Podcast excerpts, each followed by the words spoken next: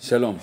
אז בשיעור הראשון עסקנו בפסוק ומה שיוצא ממנו באופן כללי וננסה עכשיו להתקדם צעד הלאה. אז הפעם נדבר על יחיד ורבים ועל מקדש מול גבולים. בואו נתחיל מהפסוק עוד פעם. ולקחתם לכם ביום הראשון פרי עץ אדר, כפות מרים, וענף עץ אבות וערבי נחל, ושמחתם לפני אדוני אלוהיכם שבעת ימים. אז אנחנו מיקמנו כבר את ארבעת המינים על ציר שלושת הרגלים. עומר, שתי הלחם וארבעת המינים. ומשם ביקשנו להראות את האיכות שלו כי זה לא אוכל וזה לא מן השדה. אבל יש רכיב נוסף שמייחד את ארבעת המינים והוא הלחם. ולקחתם לכם, זאת מצווה לכל יחיד ויחיד. כבר בפשט תורה רואים את זה, כי על עומר ושתי הלחם כתוב והבאתם אל הכהן. אז ברור שלוקחים מהשדה, מביאים והכהן מניף. גם נשמע שם מתוך הלשון שזה מצווה שכל הציבור מביא לכהן והכהן עושה בשביל כולם. ומה הוא עושה? הוא נותן לקדוש ברוך הוא. בהשוואה לזה כשמגיעים למצווה החקלאית הטבעית של סוכות אין, אין, אין הבאה ואין כהן. במקום זה כתוב ולקחתם לכם. ומכאן למדו חכמים לקחתם לכם שתהיה לקיחה לכל אחד ואחד. זאת אומרת זו מצווה שחלה על כל אחד ואחד. עד כאן צריך להגיד שזה עוד לא מאוד חריג, כי זה אומנם לא דומה לעומר ושתי הלחם, אבל זה כן דומה לקורבן פסח. גם בקורבן פסח זה ככה. כולם עולים לרגל לבית המקדש, אבל החובה היא, קורבן פסח הוא לא קורבן ציבור, לא במובן הפשוט שלו. בעצם זה מין שילוב בין הפרטי לציבורי, כולם עולים לרגל ביחד, אבל כל אחד מתחייב בנפרד. קצת שונה, בפסח זה יותר משפחתי ופה זה יותר אישי, אבל עדיין הדמיון קיים. אז הדמיון הזה לקורבנות באמת קיים בתוך ארבע מינים. הרב יעקב נגן בספר שלו מים בריאה והתגלות מראה סדרה של דמיונות בפשט פסוקים וגם בדברי חז"ל בין הלכות ארבעת המינים וההתייחסויות לארבע מינים לבין דיני הקורבנות. נזכיר אחד למשל שהעיסוק המרובה בפגמים של ארבעת המינים כי הם צריכים להיות מהודרים ולא יבשים מאוד מזכיר את מה שאנחנו מכירים לגבי, ארבע, לגבי קורבנות וזה העניין של המומים. צריך לבדוק את המומים כדי שיהיה קורבן ראוי. אפילו חז"ל משתמשים בפגמים של האתרוג, הם קוראים לו מומים, אז ממש משתמשים באותה לשון, וההידור הרב שאנחנו בודקים זה ממש שם את ארבעת המינים, משהו כמו, כמו קורבן, אני בורר אותו היטב כדי לקחת את הטוב ביותר לפני שאני הולך לעמוד איתו לפני ריבונו של עולם. אבל גם ביחס לקורבן פסח יש הבחנה חשובה. כי בכל הקורבנות בסוף מביאים לקדוש ברוך הוא, גם בקורבן פסח. אמנם חלק חוזר אלינו בסוף, אנחנו אוכלים, אבל קודם כל יש תשתית של הקרבה שהיא למזבח או לכהנים, זה ניתן ויוצא ממני הלאה. בעוד שבארבע מינים לקחתם לכם זה לא רק שכל אחד ואחד לוקח, אלא גם כל אחד ואחד לוקח וזה נשאר אצלו. הוא לא מביא את זה לקדוש ברוך הוא. מה הוא עושה עם זה? סוף הפסוק אומר, ושמחתם לפני השם אלוקיכם שבעת ימים. מה זה אומר? מה זה אומר שמחתם לפני השם אלוקיכם שבעת ימים? בואו נתחיל מהלפני השם. לפני השם מופיע בכמה מקומות בהקשר רוחני, ואברהם עודנו עומד לפני השם. אבל מהקמת המשכן ואילך, לפני השם מופיע עשרות או אפילו מאות פעמים, כמבטא חד משמעית את המשכן. כן, פתח אוהל מאוד לפני השם אשר ייוועד לך שמה. לכן הפשט שלפני השם, שמחתם לפני השם, הכוונה במקדש, וככה גם הבינו חכמים. שמחתם לפני השם, פירושו של דבר, שמחה במקדש. אז זו פעולה שאומנם היא אישית, והיא לכל אחד ואחד, אבל היא פעולה של שמחה במקדש. מה זה פעולה של שמחה? מה אנחנו בדיוק אמורים לעשות? מה, מה זה, זה ציווי על הרגש כמו ואהבת את השם אלוהיך? או שיש פה איזה פעולה כלשהי שצריך לעשות שהיא הפעולה של השמחה? נניח את זה רגע בצד ונלך למרכיב נוסף בפסוק, שגם הוא עורר את תשומת ליבם של חכמינו. תחילת הפסוק נאמר ולקחתם לכם ביום הראשון. סיום הפסוק ושמחתם לפני השם אלוקיכם שבעת ימים. שואלים חכמים רגע מתי המצווה? היא מצווה ביום הראשון או שהיא מצווה ביום השביעי? כיוון שיש פה שני חלקים הם מחלקים ביניהם. כך נאמר בספרה על הפרשה שלנו ושמחתם לפני השם אלוקיכם שבעת ימים ולא בגבולים שבעת ימים. זאת אומרת יוצא מהמדרש שיש מצווה שהיא בגבולים, בגבולין הכוונה בביתו של כל אחד ואחד, אבל היא לא שבעת ימים. לפני השם שבעת ימים, במקדש שבעת ימים, בגבולין לא שבעת ימים. רק יום אחד. החלק הראשון של הפסוק מדבר על הגבולין, ולקחתם לכם ביום הראשון, כל אחד ואחד לוקח עצמו איפה שהוא נמצא, ושמחתם לפני השם אלוקיכם שבעת ימים, במקדש עושים שמחה שבעה ימים. כך גם אומרת המשנה בפרק שלישי של מסכת סוכה, בראשונה היה לולב ניטל במקדש שבעה ובמדינה יום אחד. משחרב בית המקדש התקין רבן יוחנן בן זכא שיהיה לולב ניטל במקדש שבעה, במדינה שבעה, זכר למקדש, ושיהיה יום הנף כולו אסור. עוד נחזור לבאר את תקנת רבי יוחנן בן זכאי, אבל קודם כל נראה מה יש פה. שוב, שתי מצוות. אחת היא בגבולין, והיא ביום הראשון, והשנייה היא שמחה לפני השם שבעת ימים. נזכור שסוכות הוא חג עלייה לרגל, כך שממילא רבים מעם ישראל נמצאים במקדש כבר מהיום הראשון. אבל מתוך ההשוואה לסיום של הפסוק, שזה לפני השם שבעת ימים, הבינו שביום הראשון זה לא רק לפני השם. זאת אומרת, זו מצווה שהיא לא תלוית מקדש. האמת אם נדייק לפי חלק ממקורות חז"ל, וגם כך הגדירו חלק מהראשונים, זה לא בדיוק שמצווה לא תלוית מקדש, אלא הם ניסחו אחרת. היא מצוות מקדש, אבל ביום הראשון היא מתפשטת אל הגבולים. המצווה כל כך חזקה, כל כך משמעותית, שהיא פורצת את גבולות המקדש, וגם כל אחד ואחד נוטל אותה במקומו. אז אם ככה, יש פה באמת יסוד אישי ויסוד ציבורי. יסוד אישי כל אחד ואחד, הוא נכון גם כל אחד ואחד בביתו הפרטי ביום הראשון, מין התפשטות כזאת מן המקדש אל הגבולין, ויסוד ציבורי, כי גם ביום הראשון נמצאים כולם יחד, ובוודאי בשאר שבעת הימים שנוטלים אך ורק במשכן. אז יש פה משהו שהוא או שונה מקורבן, או שלמה נגיד לא שונה מקורבן, בדיוק הפוך, הוא מן הרחבה של הקורבן. הרחבה של הקורבן שמגיעה ביום הראשון אפילו לביתו של כל אחד ואחד. מכאן נוכל להבין גם את תקנת רבי יוחנן בן זכאי.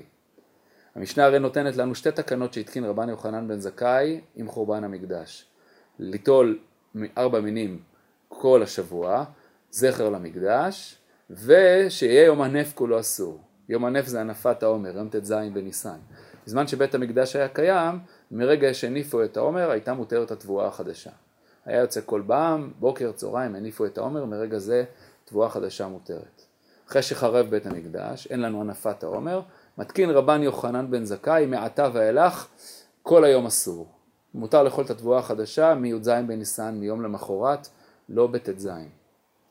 נשים לב ששתי התקנות הן שונות באופן שבו אנחנו יוצרים זכר למקדש.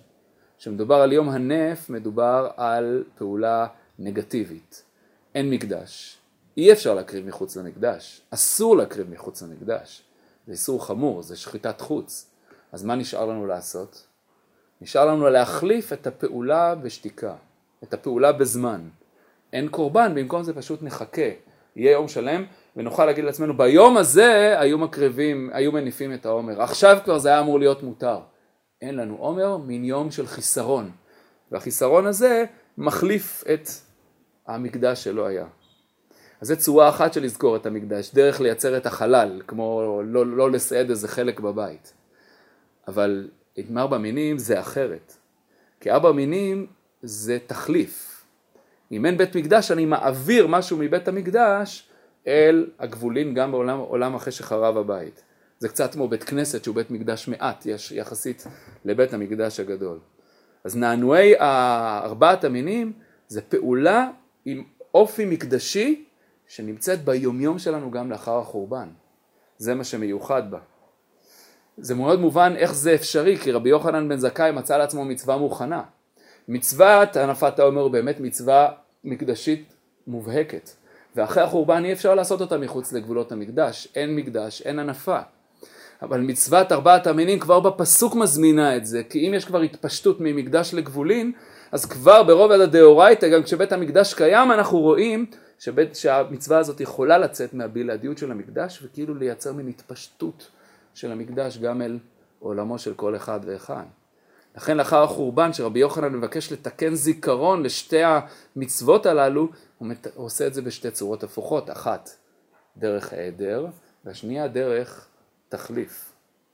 ויוצא מכאן שיש לנו באמת מצווה נדירה יחסית של פעולה מקדשית בתוך היומיום שלנו. פעולה פולחנית.